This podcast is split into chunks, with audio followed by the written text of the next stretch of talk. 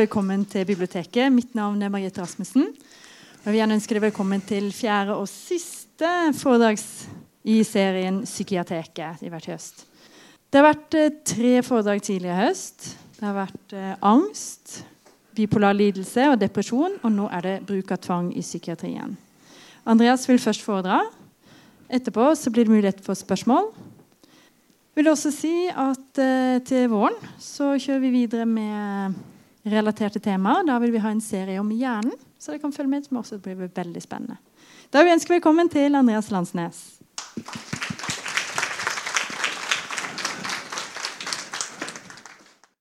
Ja, Det var godt å se at det var kommet akkurat passe med folk denne gangen. fordi Før så det kom for mange, sånn at eh, ikke alle har kommet inn. Og så har jeg vært nødt til å holde en reprise om mandagen. Men nå har det kommet akkurat passe med folk. Alle har fått plass. Alle har kommet inn. Dette er et bilde av eh, min arbeidsplass, som er psykiatrisk akuttmottak her i Bergen. Det er vel et av de største akuttmottakene i landet. Og Her har vi et fint bilde av psykiatrisk akuttmottak. Vi har egentlig inngangen rundt her. Eh, men det som er litt dumt med dette bildet, det er at det er henta fra VG. Fordi VG hadde dette her fine bildet, hvor de skrev om tvang Sandvik ingen av pasienter oftere i belter enn Helse Bergen i 2015. Så vi var flinkest på beltelegging. Men det kan være at vi var flinkest på å rapportere det vi gjorde. Det er òg en mulighet. I hvert fall Helseministeren, Bent Høie, han holder hvert år en sånn sykehustale i auditoriet på Rikshospitalet. Det er i januar, og i januar i år så holdt han en tale der, og den varer ca. en time. Og Det han snakket mest om da, det var bruk av tvang i psykiatri. Og at det måtte reduseres. At man hadde altfor mye tvang i psykiatrien, og at det måtte ned. Så det har vært nokså sånn hot topic på det siste. Når jeg har sagt at jeg vil holde sånn innlegg om eh, tvang, så har folk sagt at det må du ikke gjøre. Det er veldig kontroversielt. at det blir bare trøbbel av og sånt. Men jeg er en sånn type som at folk sier jeg ikke må gjøre det, så gjør jeg det. Så derfor så holder vi denne her. Det er ingen som har kommet med fakler ennå, men vi får se hvordan dette utvikler seg. Ja, Han brukte store deler av sykehustalen sin på VG-saken og psykiatrien. Og at vi må tale, tåle kritikk for at eh, vi for det første bruker mye, kritikk, bruker mye tvang, og fordi vi er dårlige til å registrere det. Og det som står i VG, er at journalisten avdekker at tvang brukes for mye på feil grunnlag, ofte basert på lovstridige vedtak. Det de mener med lovstridige vedtak her, betyr egentlig bare at de formelt sett ikke er riktig gjort. De er gjort feil. Og man sier også at helsetjenesten ikke har klart å rapportere, lede eller skape en kultur ved at tvang skal være siste utvei. Og det vil komme tilbake til at eh, Når det gjelder å rapportere bruken av tvang, så har vi ganske mye å, å rette opp i akkurat der. Og Det helseministeren sier, det er at tvang skal være siste utvei. Og det er vi for så vidt enige med han i, at tvang skal vi ikke bruke uten at det er helt nødvendig. Tvang i psykiatri Eh, må være virkelig god grunn til å bruke det. Sånn ser en belteseng ut. Det var jo fokus på bruk av beltelegging. Eh, det er på en måte et symbol på eh, tvang i psykiatrien. Og Det er nok derfor VG tok dette som en mediasak, fordi det er lett å fokusere på et, et forholdsvis lite område. Det er jo mange andre måter å bruke tvang på, men beltelegging blir på en måte det, det verste eksempelet på bruk av tvang i psykiatri. Men i hvert fall sånn ser beltesengen ut. Og Vi hadde besøk av VG på Sandviken sykehus og samarbeidet egentlig veldig greit med dem fra første dag. Og vi, Det var til og med en journalist fra VG som ville legge oss i belte, og det gjorde vi. Vi la journalisten i belte. Vi diskuterte litt hva som skulle til for å slippe løs, men uh, det ble ikke til noe. Ja, Sånn ser det ut når man er beltelagt. Dette er en stakkars ansatt på Sandviken sykehus som har lagt seg i belta bare for å illustrere hvordan det ser ut. Og Det som VG avslører, er at man ikke vet hvor mange som blir lagt i belter. At de så at det var 3768 beltelegginger, og ca. 1000 av de forsvant. Og helseministeren, som skal følge med på bruk av tvang, fikk bare 2800. Altså det var en betydelig underrapportering av bruk av tvang. Dette er ikke nytt, dette har vi visst veldig lenge. At man underrapporterer tvangsbruk i, i eh, psykiatri. Her er tallene som VG har. Så mange var det de talte opp. Dette fra hele landet. Og så mange var det så offisielle tall. Og da var det altså en 26% underregistrering. Og det har vi på en måte visst ganske lenge at man har regnet med at det er ca. 30% underrapportering i bruk av tvang i psykiatri.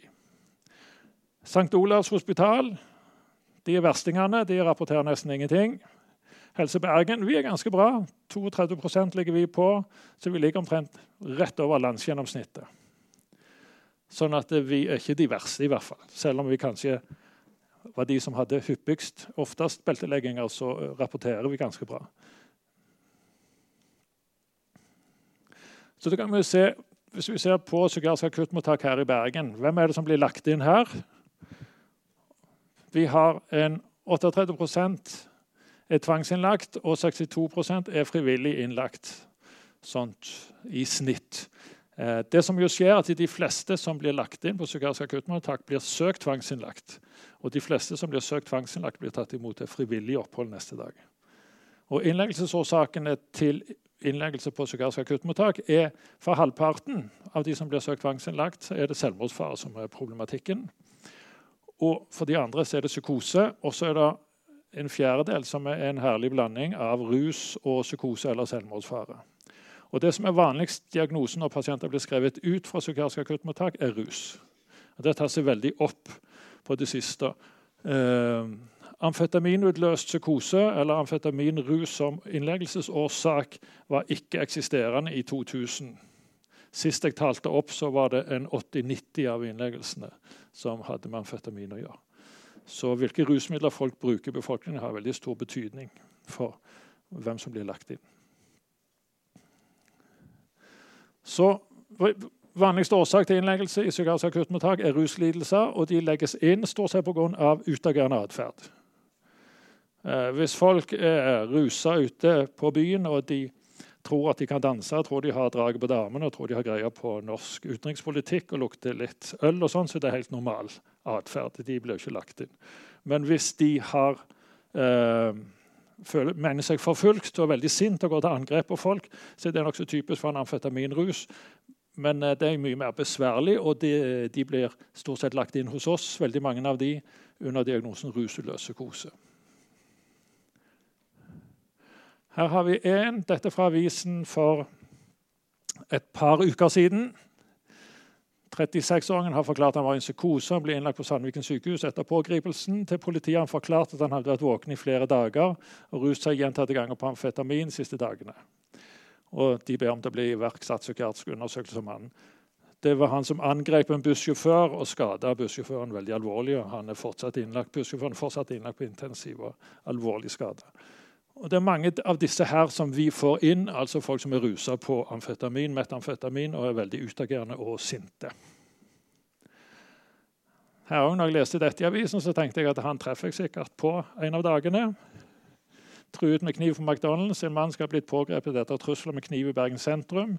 Og han gikk amok inn på McDonald's, skal ha kasta rundt på invitar og skal ha tratt fram en kniv og trua de ansatte. Så når jeg leste det, så tenker jeg han treffer jeg nok på en av dagene. Det gjorde jeg helt riktig.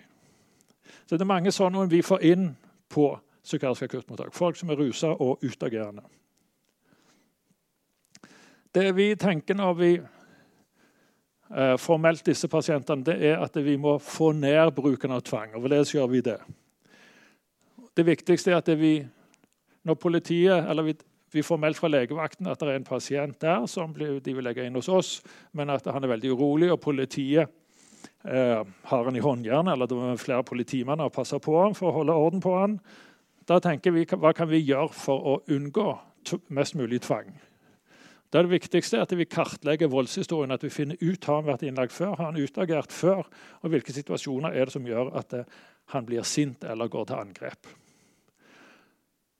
Og Når så vedkommende kommer til oss, må vi være fleksible på regler, ikke være altfor regelstyrte og prøve å snakke med pasienten.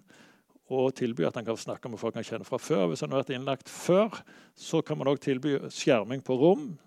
Tilby samtale med lege, både for å, at de vil, kan eh, framsette sine ønsker til lege, men òg for at man kan tilby dem medikamenter. Og så, Hvis de utagerer videre, så kan vi holde de fast. Og så har vi transportbelter vi kan ta på, og så belteseng er så siste utvei. Så dette er det vi prøver for å redusere beltelegging. Eh, dette begynte vi med tidligere i år, og så langt i år har vi redusert det med 30% som jo er ganske bra. Men er det ikke sånn at vi kaster oss over folk og legger de belter sånn for moro skyld. Det er jo som regel en god grunn til dette. Her spurte vi personalet på psykiatrisk akuttmottak i sommer. Har du følt deg trua av noen i løpet av den siste uken du var på jobb? 72% hadde vært trua av følt seg trua. Og dette er jo på psykiatrisk akuttmottak, så er det nokså ekstremt. Men eh, de fleste hadde følt seg trua. Har du vært utsatt for fysisk vold i løpet av den siste uken du var på jobb? Det hadde 15% Altså fysisk vold at noen hadde slått eller skubba til deg direkte. Og har du følt deg trua i løpet av det siste året på jobb? 98% av de ansatte på psykiatrisk akuttmottak har følt seg trua av eh, pasienter i løpet av det siste året. Og har du utsatt for fysisk vold i løpet av det siste året du var på jobb? 66% har vært utsatt for det. Sånn at det, det, er et sted hvor det er mye trusler og vold, og er et ja, litt farlig sted å jobbe. Det er ikke uvanlig at det kommer pasienter i håndjern med seks politimenn og blir avlevert på psykiatrisk akuttmottak. og Vær så god, så kan dere ta over. Og da kan man godt forvente. Det går mye bedre enn man skulle tro, altså, men hvis man ser på hva personalet er utsatt for, så er det jo ganske mye trusler og vold. Og Her ser vi på helseministeren vår. Han er veldig bekymra for rettssikkerheten, rettssikkerheten til psykiatriske pasienter. Og Det er jo mye pga. denne underrapporteringen av bruk av belter og bruk av tvang. Nå er Det sånn at det er veldig mange, det er ikke bare psykisk helsevernloven som gjør at man kan bruke tvang overfor borgere. Så her kan dere ikke føle dere trygge. Det er veldig mange andre lover òg som gjør at man kan bruke tvang, eller i hvert fall behandle folk uten at de har samtykke selv.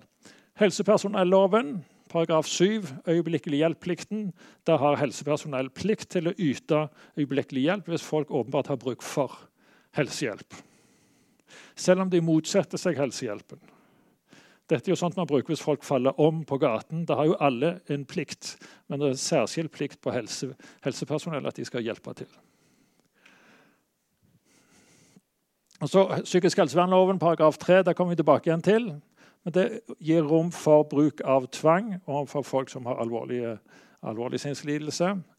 Straffeloven paragraf 47 hjemler nødrett, dvs. Si at man, hvis noen kommer imot deg med en kniv og skal ta deg, så har du lov til å slå til disse her med noe veldig hardt for å avverge at du skal bli skada. Altså, da bryter man en lov for å unngå at noe verre skjer. Det er nødrett. Politiloven det er forstørrelse av den offentlige ro og orden. Har politiet lov til å ta deg inn hvis du står på Torgallmenningen og roper og skriker og går til angrep på folk, og sånn, så kan de komme og ta deg. Så har vi pasient- og brukerrettighetsloven, paragraf 4a, som gjelder for demente og folk med psykisk utviklingshemming. Og det er primært folk som mangler samtykkekompetanse, som motsetter seg nødvendig helsehjelp. Da kan man gjøre vedtak på å behandle uten eget samtykke. Det gjelder spesielt for hvis folk med psykisk utviklingshemming har type 1-diabetes og ikke vil ta insulin, så kan man gjøre vedtak på det. Eller demente som motsetter seg å bli inne på sykehjemmet, de vil gå ut hele veien, så kan man gjøre sånn et 4A vedtak, og så kan man holde dem tilbake igjen mot deres egen vilje. I prinsippet egentlig tvangsinnlagt på et sykehjem. Så har vi helse- og omsorgstjenesten, paragraf 9-5, for psykisk utviklingshemming. Eh, det går mye på det samme, at man kan holde folk med psykisk utviklingshemming gjøre en del tvangstiltak overfor dem i institusjoner hvor de er innlagt. Og så har man òg helse- og omsorgstjenesteloven paragraf 10-2, tvungen avrusning. Folk som ruser seg såpass alvorlig at det er fare for liv og helse. De kan bli eh, tvangsinnlagt til tvungen avrusning i inntil tre måneder. Og så har vi gravide som ruser seg. De kan òg bli lagt inn på tvang. Denne tvangen her blir etablert av Nav og fastlege. Og I barnevernloven så har jo helsepersonell opplysningsplikt. og Det kan føre til at eh, barnevernet griper inn og går hjem til folk og intervenerer. Så det er ganske mye som forskjellige lover som gjør at man kan bruke tvang overfor folk. Men vi skal konsentrere oss om denne her. Her har vi den siste rapporten om kontroll av tvangsbruk i psykisk helsevern i 2015. Det, de bruker litt tid til å telle sammen alle disse tingene her. Helsedirektoratet er de som skal ha kontroll med tvangsbruk i psykisk helsevern. Og hvem er det som er sjefen for Helsedirektoratet? Det er jo helseministeren vår, Bent Høie. Så Det er egentlig han som har ansvaret for at vi har tall vi kan stole på. Men når VG avslørte at vi ikke kunne stole på tallene våre, så var han veldig rask til å legge skylden på andre. Det er dyktige politikere. Men vi kan egentlig si at VG har gått både vår sak og helseministerens sak med å ha fokus på underrapporteringen. Og her har vi noe som er vanskelig å forklare neste kurve her. Dette er bruk av tvang, altså tvangsinnleggelser. Folk som blir søkt inn på eh, sykehus og tatt imot enten til tvungen observasjon som er den grønne, eller til tvungen psykisk helsevern, som er den mørkeblå. Så er dette totaltallene med tvangsinnleggelser per 100 000 per år. Og dette året var 2015.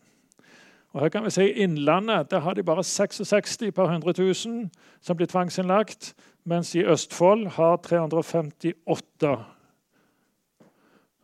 Er sånn at de i Østfold er seks ganger så galne som de som bor i Innlandet? Neppe. Men det er stor forskjell på hvilke lokale tilbud man har. Og så er det veldig stor forskjell på hvilken kultur man har forskjellige steder. Mitt poeng med denne kurven her er ikke å kritisere Østfold, selv om de ser ut som de er verst. Men det som er problemet her, er jo den enorme variasjonen. Så der har vi, vi har et forklaringsproblem her med hvorfor er det så stor forskjell. Hva er det som fungerer så veldig godt på Innlandet, og hva er det som fungerer så veldig dårlig øst, i Østfold? En del av problemet her er jo at det, det er en voldsom underrapportering som eh, VG har vist. Vi regner med men når man har sett over institusjoner, så er det bare 60% av institusjoner i Norge som rapporterer bruk av tvang. Og de som rapporterer bruk av tvang, regner vi med underrapporterer. Sånn at det, Vi kan ikke stole helt på disse tallene, men hvis vi regner med at underrapporteringen er også jevnt fordelt, så er det en faktor 6 i bruk av tvang her som er veldig vanskelig å forklare. Så Det er kanskje det største problemet når det gjelder bruk av tvang i psykiatri i Norge. Det er disse enorme forskjellene. Da kan vi tenke oss at vi kan lære litt av Innlandet og se på hva gjør de for noe som er så bra. Eh, nærliggende å tenke seg at de har mye oppsøkende tjenester. At de reiser hjem til folk og prøver å behandle folk hjemme. Man har sånn litt paradigmeskifte i psykiatri hvor man begynner å snakke om hjemmebaserte tjenester i større grad. At man behandler folk hjemme. Da slipper du å tvangsinnlegge dem. Men hvis alt annet går galt, så ender det ofte opp med tvangsinnleggelse. Og det som er merkelig i Østfold her, som støtter jo ditt argument med at det er ting som ikke fungerer, det er at de har enormt mange som blir tatt imot til tvungen observasjon. Hvorfor gjør de det? Det òg atskiller seg jo helt fra resten av landet. Det er, det er ingen som engang har halvparten så mye tvungen observasjon som de har i Østfold. Så et eller annet stemmer ikke. Det kan være at de er skrekkelig flinke å rapportere i Østfold, og at de andre er veldig dårlige, men det tror jeg ikke på. Jeg tror det er nok så jevnt fordelt. Skal vi se, Hvor ligger Bergen henne? Vi ligger ikke så bra, vi heller. Vi ligger der. 266 tvangsinnleggelser per 100 000 i 2015. Og I landsgjennomsnittet så er det 190, så vi ligger godt over gjennomsnittet i Bergen. Så det ser ut som vi kanskje har et forbedringspotensial her òg. Men dette er merkelig. Dette er noe av det rareste i psykiatri. Ja. TPH er tvunget psykisk helsevern. Det er altså tvangsinnleggelse. Og observasjon er de som tas imot til tvungen observasjon i inntil ti dager. Men det er egentlig dette tallet her som er viktig. Det er egentlig tvangsinnleggelser, antall tvangsinnleggelser. Og I landet totalt har vi 200 per 100 000 i 2015. Og hvis vi sier det bor 5 millioner i Norge, så ganger vi det med 50, og da er vi oppe på 10 000 tvangsinnleggelser i året. Om det er for mye eller for lite, det vet ikke jeg helt. Men det er et overordna politisk eh, føring at vi skal redusere bruken av tvang. Og Det inkluderer òg disse tvangsinnleggelsene. Jeg tenker Beltelegging er for så vidt én måte å se dette på, men bruken av tvangsinnleggelser er vel så viktig måte å se det på. Folk kan være frivillig innlagt på psykiatrisk akuttmottak, og kan, de, de, kan bli beltelagt for det. Så dette er kanskje en bedre måte å registrere tvang på. Her har vi stortingsmelding 2015-2016, Nasjonal helse- og sykehusplan, som egentlig er helseministeren måte å fortelle landet hva han eh, vil videre framover med sykehus. Og Der står det ganske mye om psykiatri. Og Det viktigste var at dette skulle gjøres til pasientenes helsetjeneste. At pasientene skulle få større innvirkning, brukermedvirkning. Og så skulle man ta menneskerettighetene mer med i driften av norske sykehus. Og hva er menneskerettigheter for noe? Det er litt sånn uklart begrep. Men eh, det som ligger bak menneskerettigheter, er jo at man skal flytte rettighetene fra myndighetene. Sånne som meg, sånn overleger på psykiatrisk akuttmottak, de skal ha mindre makt, og så skal pasientene få mer makt. Eh, så, og menneskerettigheter er å gi det enkelte individet mer frihet og mer eh, bestemme i større grad over sitt eget liv. Og Det kommer jo fra FN, og de sier egentlig at alle mennesker har rettigheter. og Vi skal prøve å overføre mest mulig rettigheter til enkeltindividet, og at det er staten og lovregulering og sånn skal bety mindre. Og Kort tid etter at man hadde den stortingsmeldingen, så kom det en lovendring som kom nå i 1. september. De planla lovendringen rett før fellesferien, men det flytta de heldigvis til etter fellesferien. For det er nokså betydelige endringer i psykisk helsevernloven som går på økt selvbestemmelse og økt rettssikkerhet for pasienter. Så Formålet med disse endringene som trådte i kraft 1.9.2017, var at pasientene skulle få økt selvbestemmelse og større rettssikkerhet. Og de skulle òg forebygge og begrense bruk av tvang. Eh, så Politikerne har på en måte bestemt seg for at man skal redusere bruk av tvang. Noen har prøvd å si at vi skal ha rett bruk av tvang, kvalitetssikra bruk av tvang, men det er et overordna politisk mål å få redusert bruken av tvang. Eh, det er ikke så mange som vet hva som er rett bruk av tvang, men vi har fått klar beskjed fra helseministeren om at bruk av tvang skal ned. og Da er man jo nødt til å gjøre det.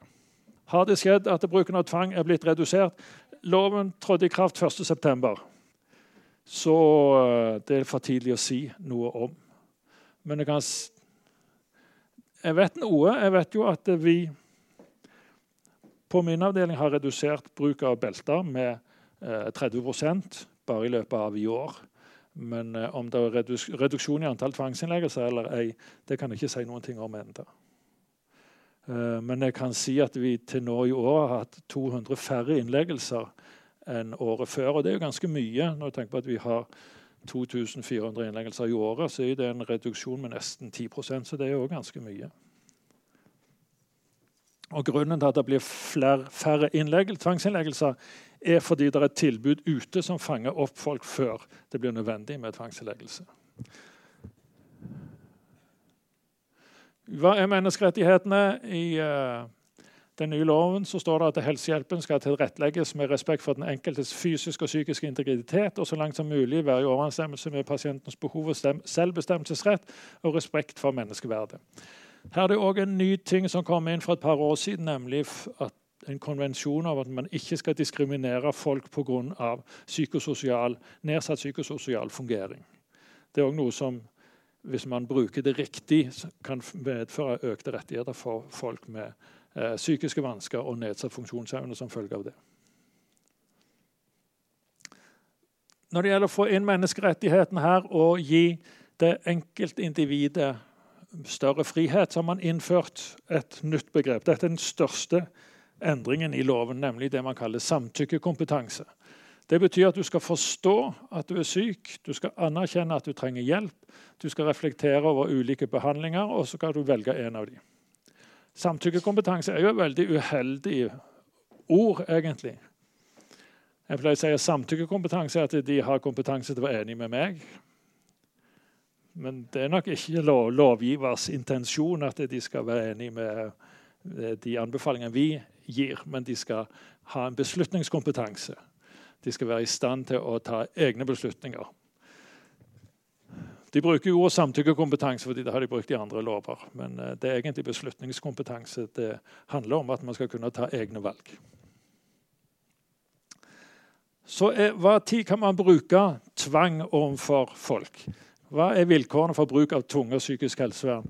Eller sagt på en annen måte, Hva tid kan du bli tvangsinnlagt på en lukka psykiatrisk avdeling? Hvilke vilkår er det som skal være oppfylt? Og Da skal man først ha forsøkt frivillig behandling, eller det skal være helt åpenbart at det er formålsløst. Som første krav er at man skal ha prøvd frivillig behandling. Men tvangsinnlegger ikke folk med en gang.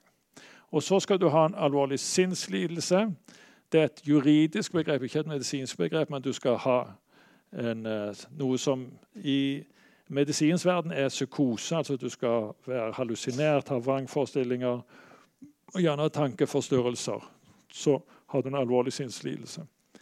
I Norge så faller selvmordsfare òg inn under det. fordi hvis folk har konkrete tanker om å ta sitt eget liv, så blir de altså tvangsinnlagt. Så skal du oppfylle, skal du enten ha bruk for behandling, at behandling med stor sannsynlighet vil gjøre deg bedre, eller du skal være til fare for deg sjøl eller andre.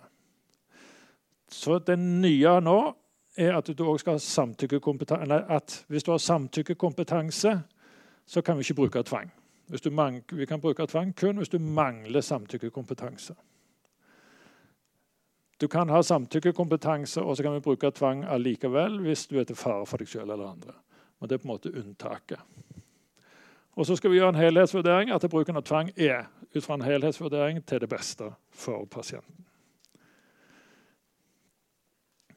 Så det Informert samtykke er hovedregelen for all helsehjelp i Norge. Og kun unntak dersom frivillig behandling har vært forsøkt uten å føre fram, eller frivillig behandling er åpenbart formålsløst å prøve. Alvorlig sinnslidelse er det som vi vil kalle for realitetsbrist. Eller at man har en oppfattelse av virkeligheten som er på tvers av det som er allment akseptert. Det er litt vanskelig hva som er allment akseptert. Eh, I Norge så er det mange som tror på en kar som gikk på vannet for 2000 år siden. Helt klart en psykotisk forestilling, men det er allment akseptert. Så derfor er det greit. Det blir ikke regna som en vrangforestilling.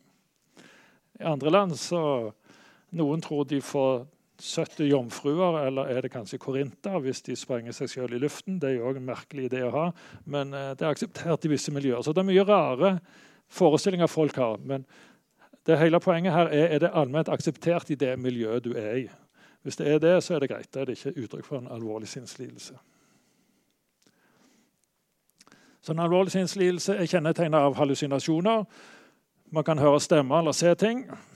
Eh, nå er det sånn at 5% av befolkningen hører stemmer av og til uten at det plager dem noe særlig. Så du bør ikke være redd for å bli tvangsinnlagt hvis du bare hører stemmer. Det er ikke nok. Du må ha noen av disse andre symptomene òg. Vrangforestillinger er at du har forestillinger som ikke er i tråd med hva andre folk sier. Mest typisk at man føler seg forfulgt, at noen er ute etter deg, at noen kan styre tankene dine eller påvirke hva du gjør. Tankeforstyrrelser det er når folk er ute av stand til å uttrykke seg meningsfullt. Altså, De er forvirra, de snakker usammenhengende. De er ikke i stand til å sette ord sammen til setninger eller setninger sammen til meningsfulle, eh, meningsbærende innhold. Så det er egentlig når man ser Folk er forvirra, man forstår ikke hva de sier for noe. rett og slett. Så skal man òg enten ha bruk for behandling eller være til fare for andre. Altså at Behandlingen vil med stor sannsynlighet føre til en vesentlig bedring eller hindre at du blir mye verre. Det er behandlingskriteriet som må være oppfylt for at man kan bruke tvang. Og så må det være til fare for deg selv eller andre. Og det skal være nokså nærliggende fare for seg selv eller andre. Da er det typisk selvmordsfare man snakker om. Samtykkekompetanse kan man også kalle beslutningskompetanse. Vi som jobber med dette, syns det ligner veldig mye på sykdomsinnsikt. At du forstår at du er syk, at du forstår at du har bruk for behandling. Men beslutningskompetanse er nok et mye bedre ord enn samtykkekompetanse, men det er det det heter foreløpig. Og Tvang kan ikke brukes dersom pasienten har samtykkekompetanse. Altså at de forstår at de er syk. de anerkjenner at det er forskjellige behandlingsformer. De klarer å reflektere over disse behandlingsformene og velge en av dem. Da har du lov til å velge bort alle behandlingsformene hvis du bare viser at du forstår hva dette går i. Helhetsvurderingen vi skal gjøre, er noe med at ut fra en helhetsvurdering så vil videre tvunget psykisk helsevern for å få avklart tilstand være en fordel for ham, og ulempene med frihetsberøvelsen er mindre enn fordelene. Det er jo eh, vi som gjør denne, de som fatter vedtak, som gjør denne helhetsvurderingen. Men vi vi er nødt til å veie for og imot. Det er noen som har paranoide psykoser som over veldig lang tid har ment at de er forfulgt. Det er gjerne folk som er isolert og bor for seg selv. og sånn.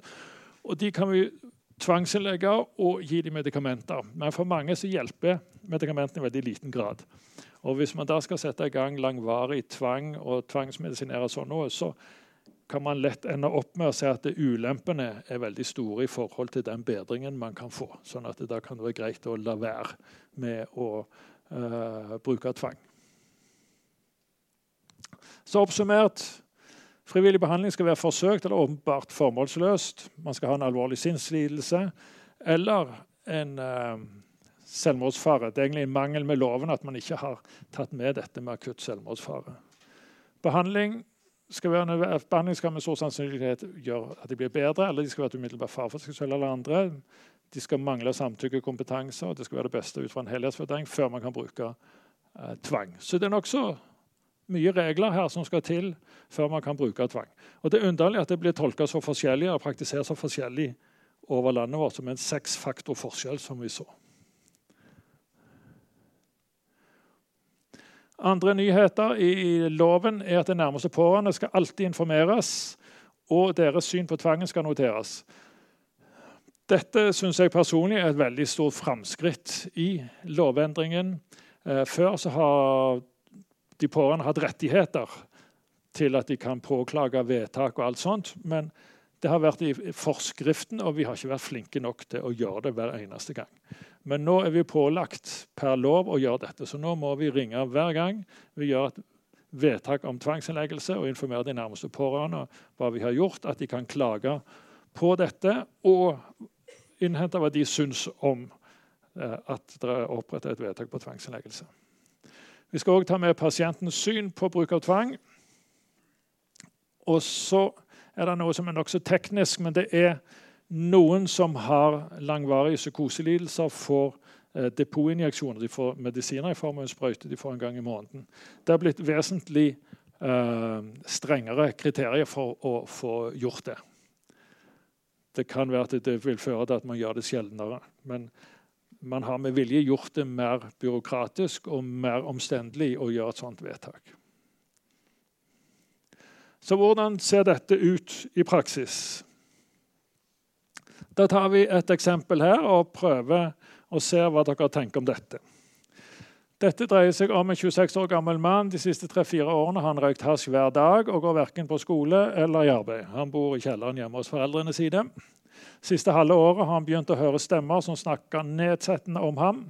Han er også overbevist om at han blir overvåket ute og nekter å gå ut. Lege kommer hjem til ham og anbefaler at han tar medisiner, noe han nekter fordi han ikke mener at han er syk. Han går med på å oppsøke poliklinisk behandling. Skal vi bruke tvang på denne karen her? Eller skal vi si at eh, vi må prøve videre? Her er det nokså åpenbart at det er for tidlig å bruke tvang. Det er nokså åpenbart at han har en alvorlig sinnslidelse. Han hører stemmer som snakker nedsettende om han. Altså Han er hørselshallusinert, og han er overbevist om at han blir overvåka når han er ute og nekter å gå ut. Så han har egentlig hallusinasjoner, han har vrangforestillinger. Dette er nokså typisk bilde med det som vi vil kalle for eh, eh, første episode schizofreni. Det stemmer som snakker nedsettende om han, og han føler seg overvåka ute. Så dette er det vi vil kalle første episode schizofreni. Eh, og for å bruke tvang så skal vi først prøve frivillig behandling. At en lege kommer hjem til han én gang, det er for så vidt ikke nok.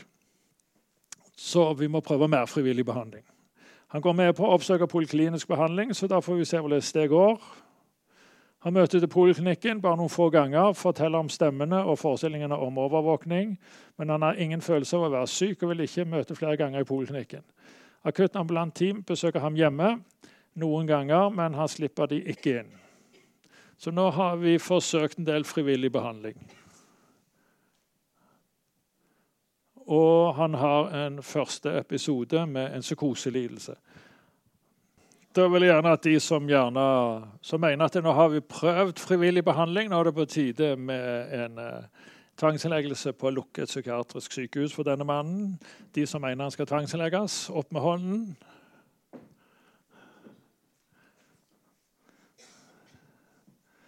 Ja, det er veldig interessant for meg, dette her, for det, forteller noe om hva folk flest syns er grensen for tvang går, og hva tid uh, for eksempel, Jeg syns grensen for tvang går. Jeg vil jo si at Her har man prøvd frivillig behandling. Og han har en første episode med schizofreni, som er en nokså alvorlig tilstand. Sånn at eh, jeg vil si at Vi har prøvd frivillig behandling. Det er helt klart at han har en alvorlig sinnslidelse. Behandling vil med stor sannsynlighet gjøre at han blir vesentlig mye bedre i løpet av kort tid samtykkekompetanse. Han, har ingen han mener han er frisk, han har ingen forståelse for at han er syk.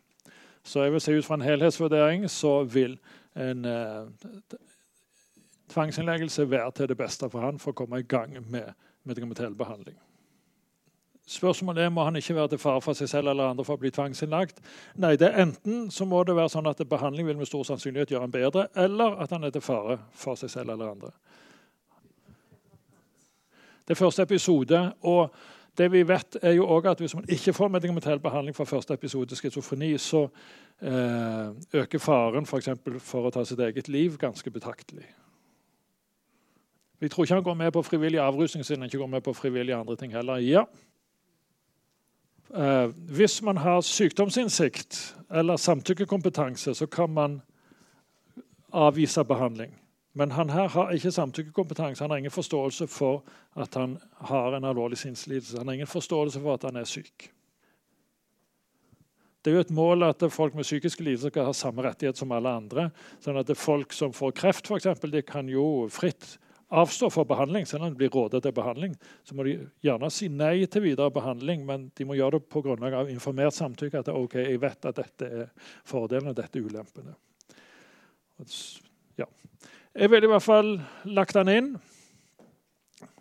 Og siden det er jeg som har skrevet dette, så blir han lagt inn. Han blir tvangsinnlagt, lukket psykiatrisk avdeling, og han tar da imot tabletter med antipsykotisk medisin, Abilify. Medikamentfri behandling var det noen som sa her medikamentfri behandling i, i, Bergen. og Det har vi sendt tilbake til helseministeren og sagt hvordan vi praktiserer det her. Og Det er slett ikke at folk ikke skal få medikamenter, men det at de ikke skal få medikamenter under tvang. De skal ta det frivillig. Uh, nå er han tvangsinnlagt, og han tar imot tablettene. Så kan man lure på Hvor frivillig er det å ta imot tabletter når du er tvangsinnlagt? Men det vil man kalle for medikamentfri behandling. Men er, jeg er litt forvirra med hva som er medikamentfri behandling. Men eh, det er det som er den offisielle forklaringen her. Noen andre vil jo si at medikamentfri behandling er jo behandling uten medikamenter. Han vil jo helst sitte i kjelleren røyke hasj og ikke gå til poliklinisk behandling. Han vil ikke ha besøk av noen. Han vil bare sitte der. Så han er ikke i stand til å nyttiggjøre seg de andre tilbudene. Han vil ikke, ta, han vil ikke ha kontakt med poliklinikken, han vil ikke gå der videre.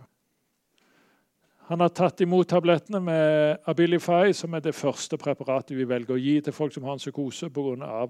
lite bivirkninger. Det har selvfølgelig bivirkninger, men mindre enn de fleste andre. Og I løpet av noen uker så blir stemmene mindre plagsomme, og han blir mindre mistenksom. Sånn at han har en eh, god effekt av denne behandlingen. og Det er nokså typisk det vi ser. Han innser etter hvert at stemmene ikke var virkelige, og at hans mistenksomhet ikke var helt i tråd med de faktiske forhold. Han skrives ut videre poliklinisk behandling. Så langt veldig fint. En suksesshistorie. Han hadde en første episode schizofreni. Han får behandling og blir raskt mye bedre. Nå kan han begynne å nyttiggjøre seg de andre tilbudene man har innen eh, medikamentfrie tilbud med poliklinisk oppfølging. Gjerne gå på et dagsenter, kanskje få en jobb et eller annet sted og så være med på andre aktiviteter. Eh, medikamentfrie tilbud er egentlig litt motvekt mot psykiatriske sykehus' store fokus på medikamentell behandling. At man legger for lite vekt på andre tilnærminger. Og Det er for så vidt gode grunner til, men som vi ser her, så må han først få medikamentell behandling før han kan nyttiggjøre seg disse andre tilbudene. Men nå har han i hvert fall kommet seg opp av kjelleren. Han røyker ikke så mye hasj lenger og har litt venner han ser. og sånt. Og Etter noen måneder så blir han i økende grad plaga av bivirkninger av medisinene. Han føler ofte kribling i beina om kvelden. Han er ofte kvalm, føler seg trøtt om dagen og er svimmel av og til. Han hadde ingen av disse plagene før han begynte med tablettene. Så han har nokså typiske bivirkninger på Abilify, eller den typen medikamenter. Så vi tror ikke at han rapporterer noe feil. Dette er nokså typisk. Han ønsker nå å slutte med medisinene. Han er klar over at stemmene og mistenksomheten var et uttrykk for en alvorlig sinnslidelse. Men han ønsker nå å slutte med medisinene pga. bivirkningene. Har han samtykkekompetanse, og er det OK at han slutter å ta disse medisinene som har hjulpet så bra på hans symptomer? Diskuter ett minutt med naboen om at det er greit at han slutter. Og så kan vi ta en håndsopprekning etterpå. Vær så god. Ja, da har dere fått et minutt til å diskutere dette på. De som mener at han skal få slutte å ta medisinene, opp med hånden. Ja, det var nesten alle sammen. Det var jo veldig bra. Det, det viser at dere har forstått det jeg har snakket om her.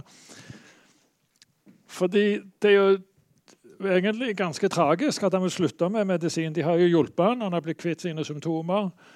Og hvis han slutter å ta disse medisinene, så vil uh, vi vet fra store studier at hvis man har første episode schizofreni og ikke bruker medikamenter, så øker faren for at man vil ta sitt eget liv med ti ganger.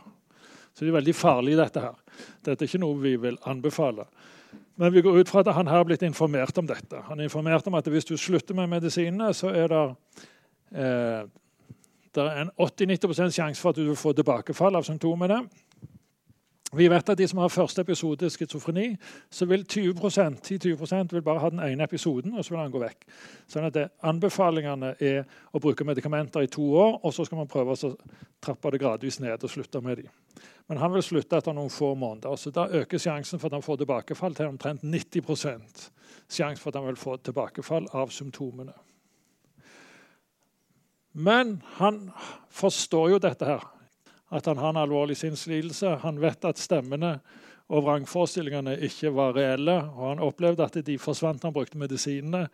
Men eh, han vil gjerne slutte med medisin pga. bivirkningene. Og så er spørsmålet har han lov til det. Han har samtykkekompetanse nå. Nå forstår han at han har en alvorlig sinnslidelse. Han har opplevd at medikamentene har hjulpet. Og han vet at han har 90 sjanse for å få tilbakefall, men bivirkningene gjør at han vil slutte med medisinene. Så det er en beslutningskompetanse. Han har lov til å ta den beslutningen. Akkurat som folk som får lungekreft, de kan jo gjerne si at nei, jeg vil heller leve så godt jeg kan de, de årene jeg har igjen, eller det halvåret jeg har igjen, i stedet for å bruke alle mulige slags medikamenter. Da har folk lov til det. Akkurat det samme rettigheten bør jo han her òg ha lov til. Han må bare informeres ordentlig så kan han få lov til å slutte med medisin. Han vet hva han gjør.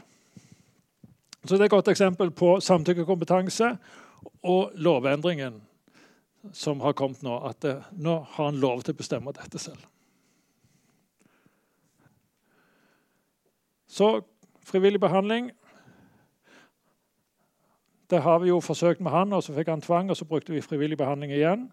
Han har en alvorlig sinnslidelse. Eh, han vil jo gå glipp av behandlingen.